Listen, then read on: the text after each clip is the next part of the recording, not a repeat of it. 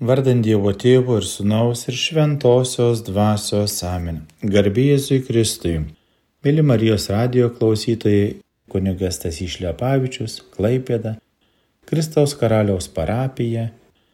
Šiandien pasvarstysime temą, kaip Jėzaus gyvenime tilpo Dievas ir žmogus. Nieko negalėjau sugalvoti, pradedant katechezę apmąstymą kaip Jėzaus gyvenime tilpo Dievas ir žmogus. Į viską bandysiu pažiūrėti per begalinę Dievo meilę kiekvienam iš mūsų. Nes jeigu Dievas nebūtų mūsų mylėjęs, jis nebūtų troškęs mūsų, manyčiau, nebūtų įvykęs tas atkuriamasis ryšys tarp Dievo ir žmogaus. Jau senais laikais pranašas Jeremijas 31.3 sakė, Šaukis manęs ir aš atsiliepsiu. Pasakysiu tau nuostabių dalykų, paslapčių, kurių nežinojai. Popiežius Pijus XI enciklikoje Kristus karalius štai ką dar sako. Jis buvo žmonių širdžių karalius dėl savo begalinės meilės, kuri pralenkia bet kokį žmogaus žinojimą. Broliai seserys, dievybės paslapties Dievas neapreiškia žmonėms, kad juos laikytų atstu toli nuo savęs, duodamas jų protams tiesas, kurios jį daro neprieinama. Bet kartu tos paslaptys yra apčiuopiamos begalinės meilės apraiška, kad nuo amžių Dievas norėjo savo sunuje mylėti žmoniją ir ją patraukti prie savęs. Taigi, tos paslaptys duodamos tikėjimo apšviestam ir meilės gaivinamam protui, gyvai širdžiai, eisime iš palengva, ieškodami tos meilės Dievo žmogui. Pirma, įsikūnymo paslaptis esmė yra meilės paslaptis. Jau prieš pasaulio pradžią viengimis Dievo sūnus mus apglėbė savo amžinu ir begaliniu žinojimu nesibaigiančią meilę. Ir kad matomai nuostabiausių būdų parodytų tą meilę, pats susijungė su mūsų prigimtimi broliai seserys, mėly Marijos radio klausytojai, kūdikėlio gimimo diena, kalėdos, artinas naujieji metai, bet mes visi suprantame, koks tai Dievo tautos nario džiaugsmas, kokia širdis tampa, kai jis sulaukia kalėdų ryto, kai sulaukia to didingo gloriją skambančio visos kūrinijos vardu viešpačiui kūdikėliui Jėzui. Taigi, ta begalinė meilė. Filosofai negali suprasti, kaip gali būti užpilta bedugnė tarp begalybės ir ribotumo, kad dieviškasis žodis taptų kūnu, kad jis gimtų, auktų ir gyventų kaip žmogus. Jie sako, kad tai negalima ir nesuprantama. Mėly broliai seserys, mėly Marijos radio klausytojai, visa galima Dievui. Bet ko negali suprasti išmintingo išmintis, tai yra begalinės meilės, kuri įkvėpia ir valdo visą šią paslaptį. Šventasis apaštalas Povilas duoda raktą, bet Dievas apstus gailestingumo iš didžios meilės, kurią mus pamilo Efeziečiai 2.4. Jis mus pamilo neišmatuojama meilė. Toliau eikime. Išganimo paslaptis esmė yra meilės paslaptis. Geros valios žmonės, kurie stengiasi suprasti Kristaus religiją, piktina ir kartai sulaiko ant tikėjimo slengščio tai, kad tas, kuris be nuodėmės, norėjo išpirkti ir atitaisyti žmonijos nuodėmę. Kad pats norėdamas pergyventi visas žmonijos sąlygas, jis prisimė jų nuodėmės pasiekmes - kančią ir mirtį.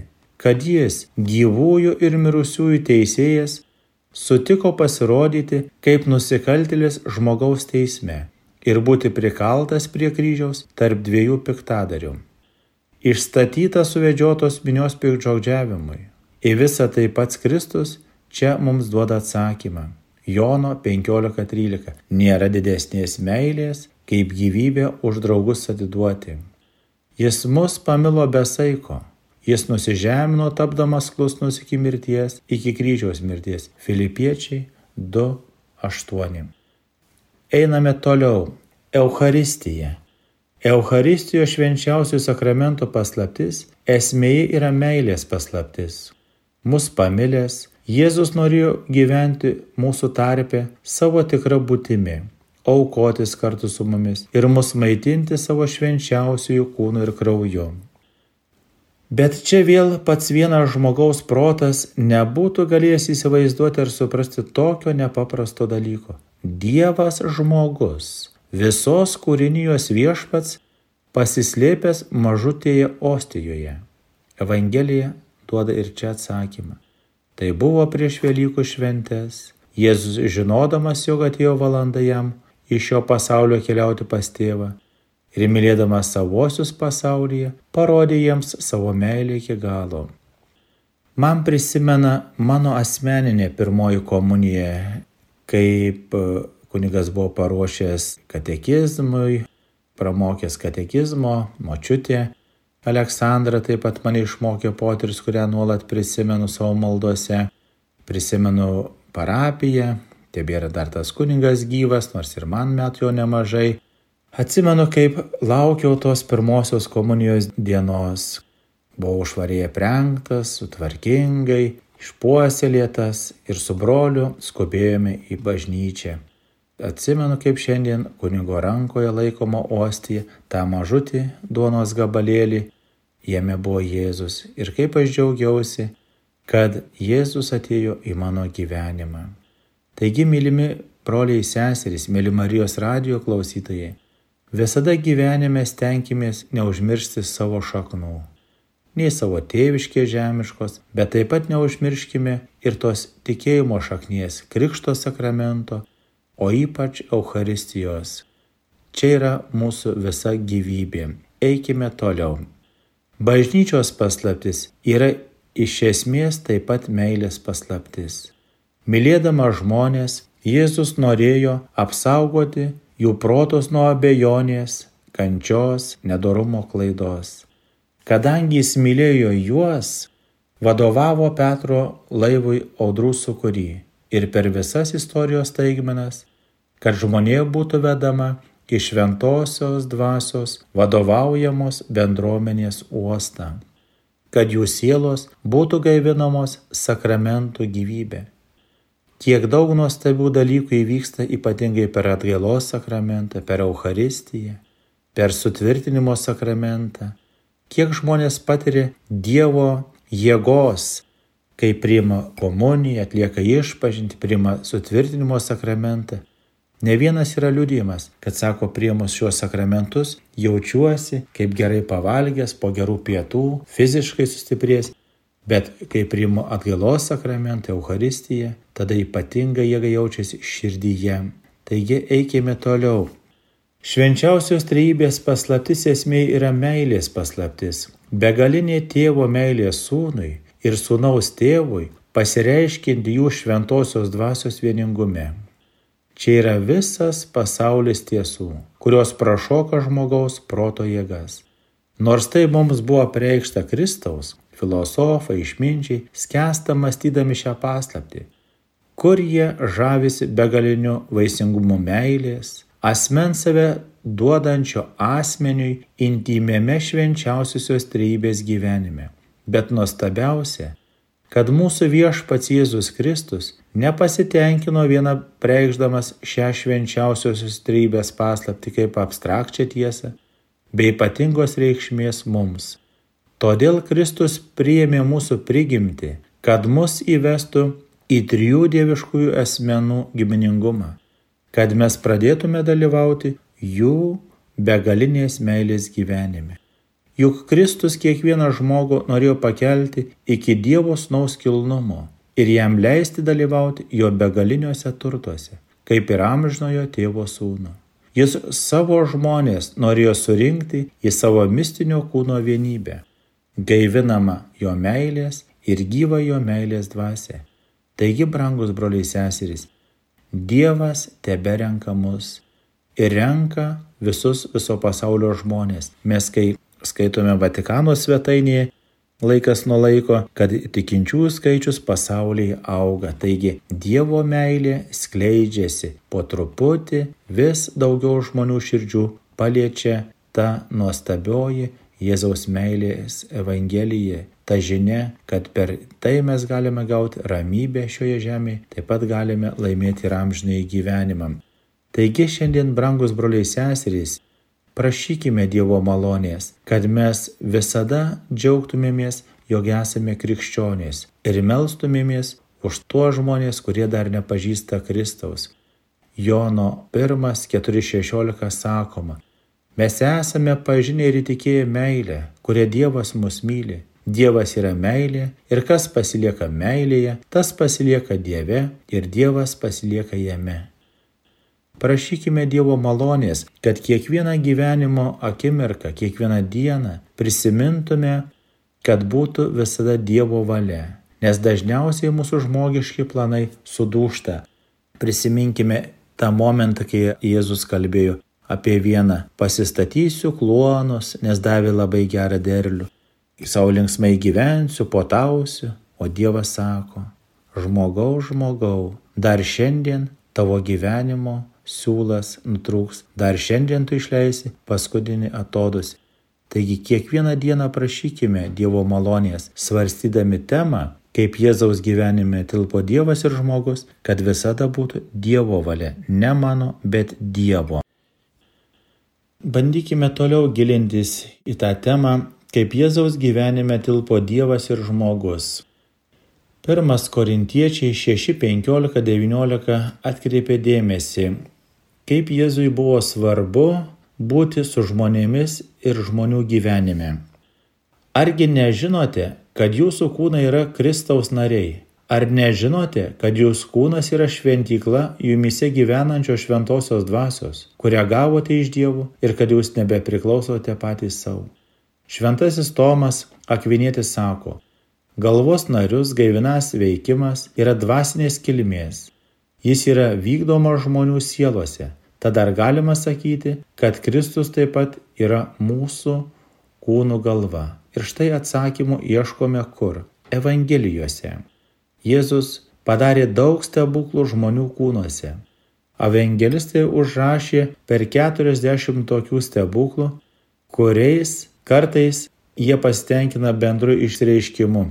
Vakarui atėjus žmonės sugabeno pas Jėzų daug demonų apsėstųjų, jis išvarė dvasias žodžiu ir išgydė visus ligonius. Visus, taigi tūkstančiai ir šimtai, rašo Matas 8.16. Dievas padarė be galo daug žmogaus gyvenimuose. Kodėl Jėzus darė tuos stebuklus? Pirmiausia, kad įrodytų savo dieviškąją galę. Jis norėjo įrodyti savo dievišką ir nematomą veikimą sieloje aiškiai savo matomą gale kūne. Morkos 2.10.11. Citata. Bet kad žinotumėte žmogaus sūnų, turint gali atleisti žemėje nuodėmės, čia jis tarė paralyžiuotajam, sakau tau, kelkis, im savo neštuvus. Čia truputį norėčiau pacituoti Silvano Fausti Evangelijos atminimas ir pasakojimas 82-83 puslapiai. Kaip gražiai aprašomas tas momentas, kai Jėzus nusidėjusiam žmogui sako, žmogaus gale yra nusidėti ir greuti, o Dievo gale yra atleisti ir žadinti gyvenimą. Tai vienintelė jo gale visiškai skirtinga nuo mūsiškės, kuri gali būti mirties priežastis. Tad dabar, jei Dievas su mumis, kasgi prieš mus? Mylimi Marijos radijo klausytojai, Dievas aiškiai pasako, imk neštuvą, eik į savo trobą ir ramiai gyvenk, nes tavo aš atleidau nuodėmės, tave išgydžiau ir būk laimingas. Eik į savo būtą, po mišių, po šventos komunės, nes aš esu su tavimi visose tavo gyvenimo dienose. Toliau toje knygoje rašoma, Tai reiškia, kad per jo malonę galime jau čia žemėje gyventi laisvi nuo nuodėmės, sugebantys mylėti taip, kaip jis myli. Ir iš tikrųjų, mūsų gyvenimas visada yra kelionė, o kelionėje atsitinka daug dalykų. Ir Jėzus sako, sakau tau, pabrėžiama Jėzaus žodžio gale. Tai vienas iš Jėzaus žodžių, kartais apibūdinamas prisikėlimas - kelkis, Atleidimas yra prisikėlimas. Pabustų, kuris mėgi nuodėmė. Štai tavo šviesa Kristus, o toje šviesoje gali tu vaikščioti. Kai Jėzus sako tam žmogui eik namo, Čia toliau tiesiu citatą. Žmogaus namai yra Dievas. Žmogus buvo nutolęs nuo jo ir nebegebėjo eiti pas jį. Dabar pagaliau jis yra pagydytas ir gali pradėti sekti kelių sūnaus, kuris jį veda į tėvo namus. Ištrauka prasidėjus su Jėzumi namuose baigėsi su paralyžiuotoju, kuris eina į savo namus. Dievas apsigyveno tarp mūsų, kad mes jame atrastume savo namus.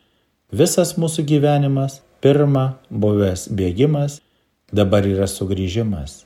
Dabar iš tikrųjų yra sugrįžimas.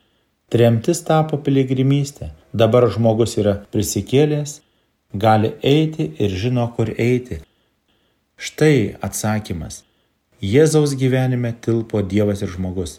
Jis buvo su mumis, buvo kiekvieną dieną tada, dabar yra ir bus per amžius. Todėl prašykime Dievo malonės, kad mes degtume tą ugnimi, meilę artimui, meilę Dievui. Taigi, labiausiai Jėzus troško įžiepti gyvą tikėjimą savo gyvybę tuose, kurie buvo jo stebuklų liudininkai. Taip jis norėjo preikšti savo pilną užuojautos gerumą kenčiantiems, kad pasiektų jų sielas, išgydydamas jų kūnus ir sužadintų juose stiprų tikėjimą jo visagalybė ir dieviško gailestingumu. Galiausiai dieviškasis mokytojas norėjo įrodyti, kad jis kaip Dievo sūnus turi aukščiausią žmonių kūnų ir jų visos būties valdžią. Visi žmogiški pojūčiai paklusnus jo jėgai. Jis aklam davė regėjimą, kurčiam girdėjimą, nebeliui kalbą, judėjimą tiems, kurie buvo paralyžiuoti. Santykiuose su žmonėmis Kristus nėra angeliška dvasia. Jis regi žmogų susidedantį iš sielos ir kūno, dvasios ir medžiagos. Taigi, supraskime tą vienintelį dalyką - meilę, kurią Dievas norėjo mus patraukti prie savęs. Viską Dievas darė iš meilės.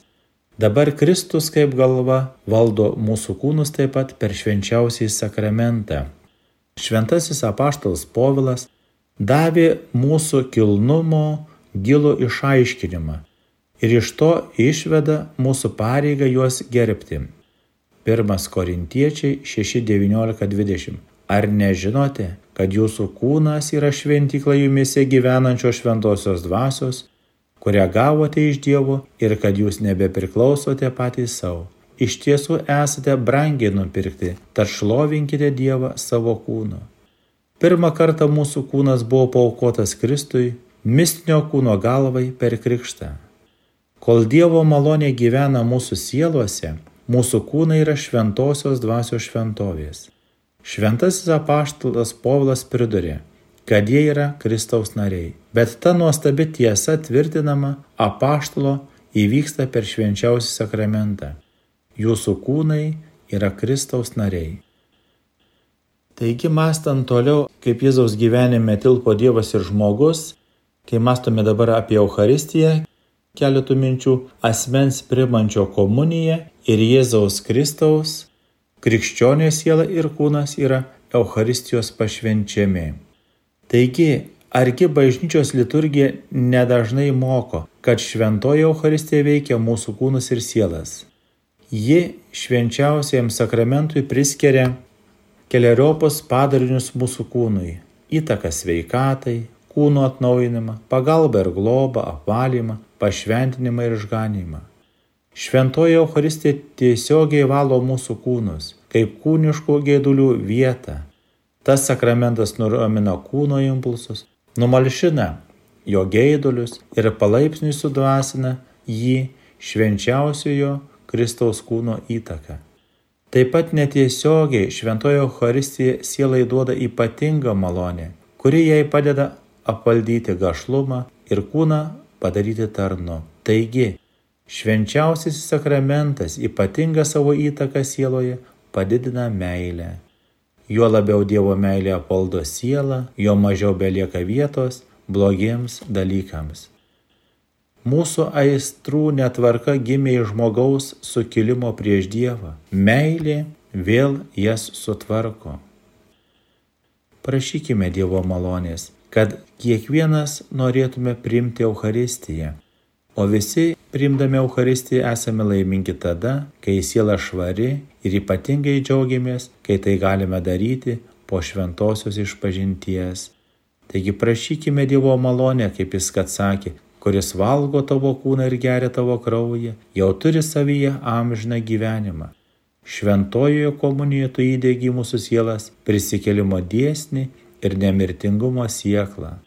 Viešpatie, ir tu iš mūsų reikalauji, kad kiekvieną kartą priimdami šventąją komuniją mes vis labiau ir labiau pasiduotume tavo garbingo kūno perkeičiami. Taigi, mylimi broliai seserys, mes suprantame, kad Dievas lieka su žmogumi per visas gyvenimo dienas ir ypatingai Dievas lieka pasitikė žmogumi, bažnyčios saugomas, tabernakuliai saugomi, aišku, žinome pasaulyje išniekinimo atveju, bet Dievas vis tiek tiki žmogumi ir pasitikė, kad jo meilė perkeis kiekvieno žmogaus širdį.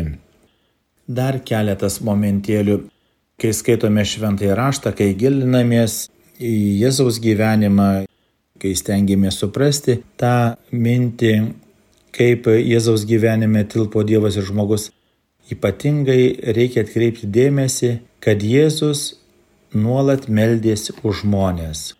Jis dieną darbavosi, skelbė Evangeliją, darė stebuklus, bet dažnai žinome, kad jis pasitraukdavo vakarui maldai. Taigi mes iš to tą meilę matome Dievo žmogui ir kaip laiškė žydams 725 sakoma, visuomet gyvas, kad mus užtartų. Visas mūsų viešpaties gyvenimas buvo malda. Evangelija, norėdama išmokyti ir padrasinti mus melstis, kelis kartus pažymi apie Kristaus sielos pakilimą glaudžiame pasikalbėjime su tėvu. Evangelijose matome, kaip jis pasitraukė į kalną, ten visą naktį praleidžia maldoje. Bet šalia tų kartų praleistų tėloje, Jėzus savo paštalavimo gyvenime nuolat pasiliko maldos būvyje ir nuolatinėme pasidavime savo tėvo valiai. Juk sakoma, per jį. Mūsų malda pati savyje neturi galios pasiekti Dievą. Ji kyla prie Dievo per Kristaus maldą ir turi remtis jo maldą, kad patiktų tėvui, kuris yra danguje. To priežastis yra, kad Kristaus malda yra mylimojo sunaus malda, malda to, kuris yra pasakęs Jono 11.4.2. Tėve, tu visuomet mane išklausai. Jis, kuris meldžiasi, iš tikrųjų yra įsikūnijęs žodis. Viengimis sūnus savo šventojoje žmogystėje ir per ją. Tai dėl to Jėzus visada kalbasi su savo tėvu, kai jis meldžiasi. Šiandien bažnyčia, sužadėtinė, Kristaus mistinis kūnas, savo maldas ir prašymus siunčia tėvui ir švenčiausiai trejybei per mūsų viešpatį Jėzų Kristų tavo sūnų, kuris su tavimi gyvena ir viešpatauja šventosios dvasios vienybėje. Ta liturginė formulė labai prasminga, įneša daug šviesos. Išmokę suprasti jos turtingumą, mes nekalbam menkaverčių savo sugalvotų maldų, tuščių maldų, nes jos kyla iš sielos vis dar pilnai pasikliaujančios savimi. Kartais mes susidurėme dėl maldos su pamaldžiai žmonėmis, kurie labai nori ištesti. Kiti sako per greitai, dar kiti dar kažkaip, bet iš tikrųjų kiekvieną žmogų Dievas sukūrė pagal savo paveikslą ir panašumą. Ir čia svarbiausiai, ką mes dabar suprantame, kaip Jėzaus gyvenime tilpo Dievas ir žmogus, visos maldos yra geros, ar greitos, ar lėtos, ar trumpos, ar ilgos, bet svarbiausia, kad būtų daroma dėl Jėzaus ir per Jėzų. Taigi viskas, visos mūsų maldos atgaivinamos, kai mes darome per Kristum dominum, per mūsų viešpatį Jėzų Kristų. Ir čia yra nusižeminimas, būtinai reikalinga sąlyga, kad malda patiktų Dievui. Tada bus tvirtai pagristas įsitikinimu, kad mūsų malda turi būti sujungta su Kristaus malda priimta į jo maldą, turi tapti malda Kristaus, kuris yra vienintelis tarpininkas. Taigi, štai Jėzus maldoje, ypatingai mišiuose, Dievo žodyje, asmeninėse mūsų maldose pasilieka su mumis, kai mes viską darome per jį. Kitas dalykas - ta begalinė meilė. Jame mūsų malda gali tikrai vadintis Kristaus malda, arba jo malda gali vadinti mūsų malda tik todėl, kad Jėzus Kristus yra žmogus Dievas, kuris kaip mistinio kūno galva mus visus apima savyje, meldžiasi kartu su mumis savo maldoje ir prie savęs pritraukia visų savo besimeldžiančių bažnyčių narius, visą Dievo tautą. Taigi jis meldžiasi mumyse savo noriuose. Apaštalas Povilas čia vėl mums padeda. Ir kadangi jūs esate sūnus, Dievas siuntė savo sūnaus dvasę jūsų širdis, kuri šaukia Aba tėvė. Galatams 4.6. Taigi Jėzus Kristus vadovauja visam mistiniam kūnui maldose. Romiečiai 8.26. Taip pat ir dvasia padeda mūsų silpnybei, nes mes nežinome, ko turime melstį, kaip pridara, bet pati dvasia prašo mūsų neišsakomais atodusiais. Dar senovėje sakydavo dūsavimais. Mūsų siela bus tik tada laiminga, kai viskas bus Kristuje. Laikas, dienos, gyvenimas, dėkojimai. Viskas turi būti Kristuje ir tada mes laimėsime.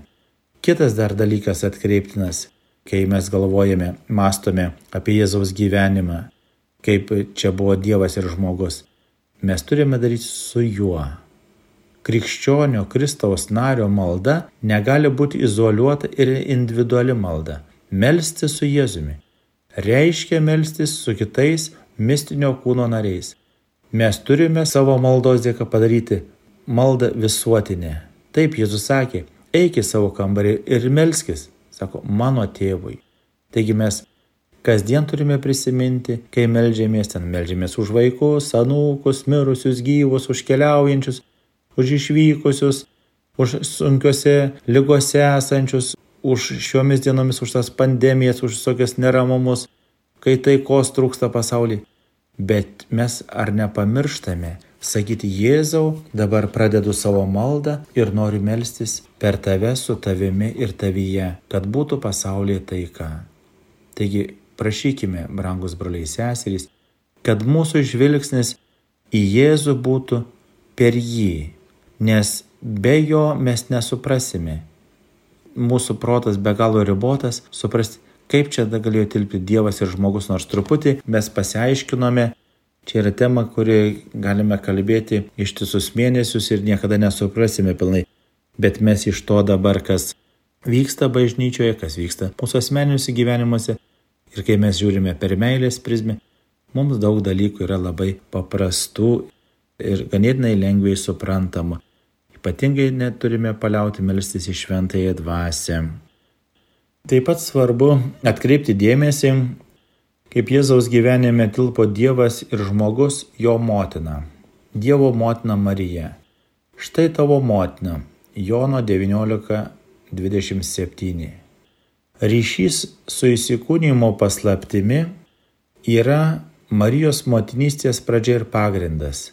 Tos motinystės šaltinis yra jos kilnėme ir visiškame tiesyje, kuriuo jie atsakė apreiškimo angelui, atėjusiam atsiklausti, ar jis sutiks su Dievo noru tapti sūnaus motina. Dievo plane pasaulio išganimas priklausė nuo Marijos apsisprendimo tą akimirką. Jos dalyvavimas išganimo įsikūnyme buvo ne vien netiesioginis, ji ne tik sutiko, bet ir norėjo tiesie. Ji to norėjo aiškiai suprasdama, to dalyko prasme ir pasiuntinybę, kuri buvo jai patikėta. Ji ilgai mąstė raštus ir jai suteiktų ypatingų malonių šviesoje giliai įžvelgė pranašystės. Jos buvo atsiklausiama ne vien, kad ji padėtų ir pagimdytų žmogų Dievą, kuris būtų žmogus tarp žmonių, nors ir visų žmonių didžiausias, bet kad ji taptų žmonijos atpirkėjo motina išganytojo motina. Jis suprato, kad tas sunus duotas jai mūsų visų žmonių giminės atpirkimui. Čia kyla klausimas, ar ji tą apsisprendimo akimirką regėjo visus mus individualiai. Taip galvoti neturėtume pagrindo. bet kam gaišti spėliojant. Daug tikriau, kad tą didžiąją akimirką žmonių giminė Marija tapo viena. Ji regėjo visus žmonės kartu naujoje Dievo tautoje, susitaikiusioje su aukščiausiu per naują sandorą, išganyta vienybėje su tuo, kuris bus jo sūnus. Su tuo planu Marija sutiko ne sumišusi bijodama, kaip vaizduoja didieji menininkai, norėdami išreikšti jos nusižeminimą. Ji visiškai atsidavė valios ir meilės aktu, kuris yra jos motinystės esmė ir pilnutinė jos asmenybės išraiška. Eikime toliau. Prie Jėzaus kryžiaus stovėjo jo motina Jono 19.25. Ji vienijosi su savo sunaus auka, dalyvaudama toje meilės atnašoje, visiškame Kristaus gyvybės atidavime, kad išganytų pasaulį. Tos sąjungos apimtis nebuvo privatus santykis tarp sunaus ir motinos. Ant kryžiaus Kristus viešai veikė kaip naujosios sandoros tarpininkas. Tai esminis jo vyriausiosios kunigystės veikimas tą valandą buvo įkurta bažnyčia. Tada agonijoje paskendęs Kristus, dar sutelkęs paskutinės jėgas, ištarė sukrečiančius žodžius - štai tavo motina. Jis juos tarė Jonui, visų žmonių atstovui. Įsikūnyjame Marija mums duoda Jėzų. Ant Kalvarijos kalno Jėzus Kristus mums davė savo motiną. Jis veikdamas kaip vienintelis tarpininkas nustatė naują išganimo planą. Kaip mokytojas jis savo motinai paskyrė vietą arti savęs, kad ir antro po jo, bet ta vieta liečianti visus žmonės yra ypatinga, visagalė, vienintelė, nesi paskirta pačios galvos, kad būtų motina viso Kristaus, viso mistinio kūno. Ji tapo mūsų motina veikdama kaip atpirkimo dalininkė. Ir dar toks vienas momentėlis. Tikrasis Marijos motinystės pasireiškimas ir Marijos motinystės uždavinio tikslas yra, kad visi žmonės kaip galima labiau dalyvautų mistinėme Kristaus kūne. Ir Dievas norėjo, kad per Mariją kuo gausesnis skaičius būtų Dievo vaikų, didėtų malonės ir meilės gyvenimas. Iš tikrųjų, Priemonės, kuriomis Marija nuolatos mus kaip motina veikia yra įvairios - jos malda, aukojimas praeities kančių, jos buvimo spinduliavimas. Bet yra veiksmas, kuris apima mus visus per tą nuostabų Dievo motinos, motinos valios vykdymą dėl dangiškojo tėvo, kad kuo daugiau žmonių būtų išganyta. Taigi prašykime Dievo motinos Marijos, Ir mes žinome, kaip Marija apsireiškia ir Gvadalupėje, ir Lurdė, ir kitose garsiuose pasaulio šventovėse, nes Marija nori savo begalinę šilumą apglėpti viso pasaulio vaikus ir patraukti prie sūnaus, kad per sūnų, kaip kalbėjau, per bendrą maldą eitume į amžinai gyvenimą.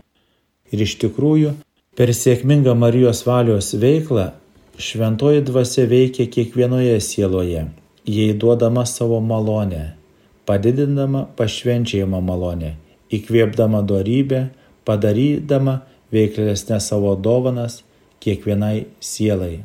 Prašykime Dievo motinos Marijos, nes labiausiai jos motiniška valia veikia Dievo širdį. Todėl jos siela visiškai pilna malonės, turėdama šventosios dvasios pilnybė, gėrėsi neišreiškimu artimumu su visais švenčiausios trejybės asmenėmis. Iš tikrųjų, tai visas jos gyvenimas. Ta visą gyvenimą jie įtraukė į savo motiniškos valios veikimą.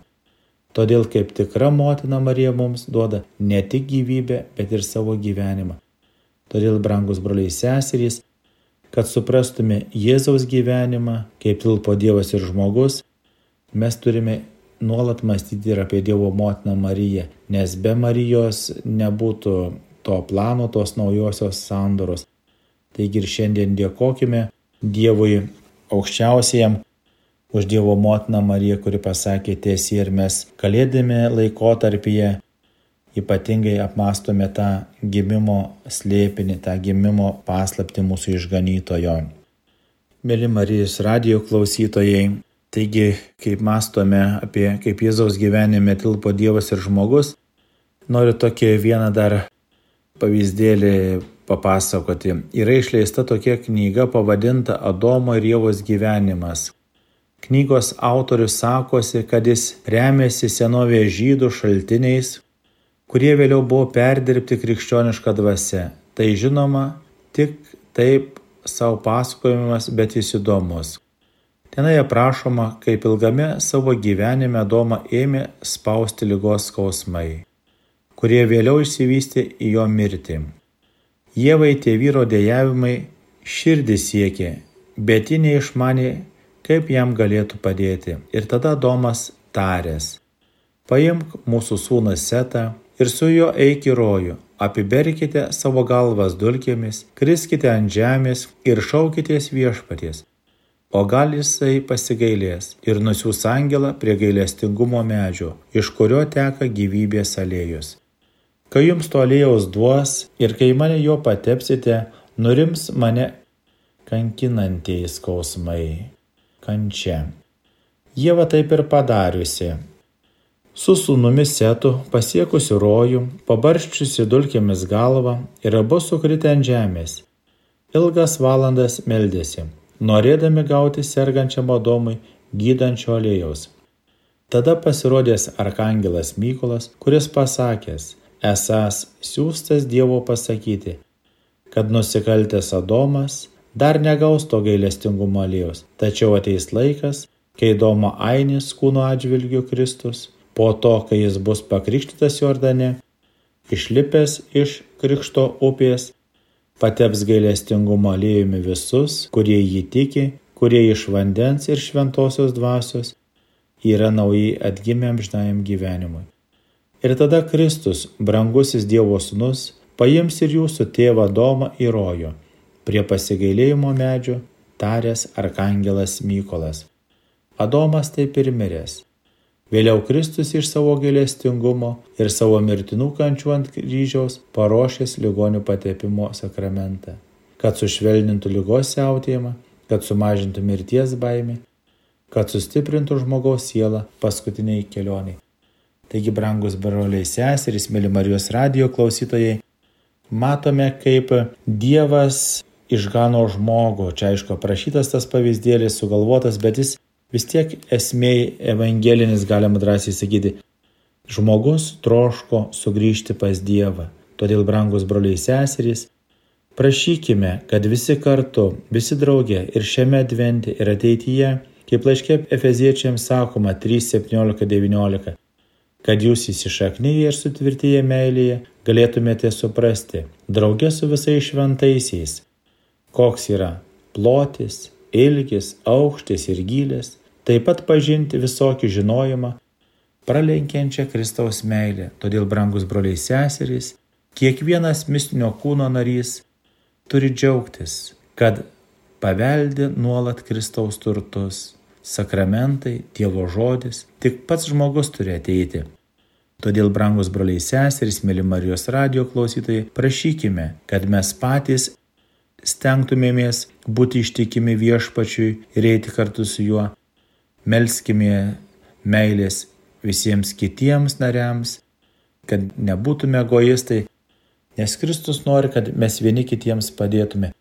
Nes Jėzus sakė kai kuriuose sunkiuose dalykuose, kai kas yra padaroma tik malda, todėl mes visi galime melstis ir besimelsdami mes jausimės patys tvirtesni bet taip pat bus ir mūsų artimieji laimingesni, nes nėra bevertės maldos, nes Kristus Dievo žmogus yra šalia mūsų kasdien.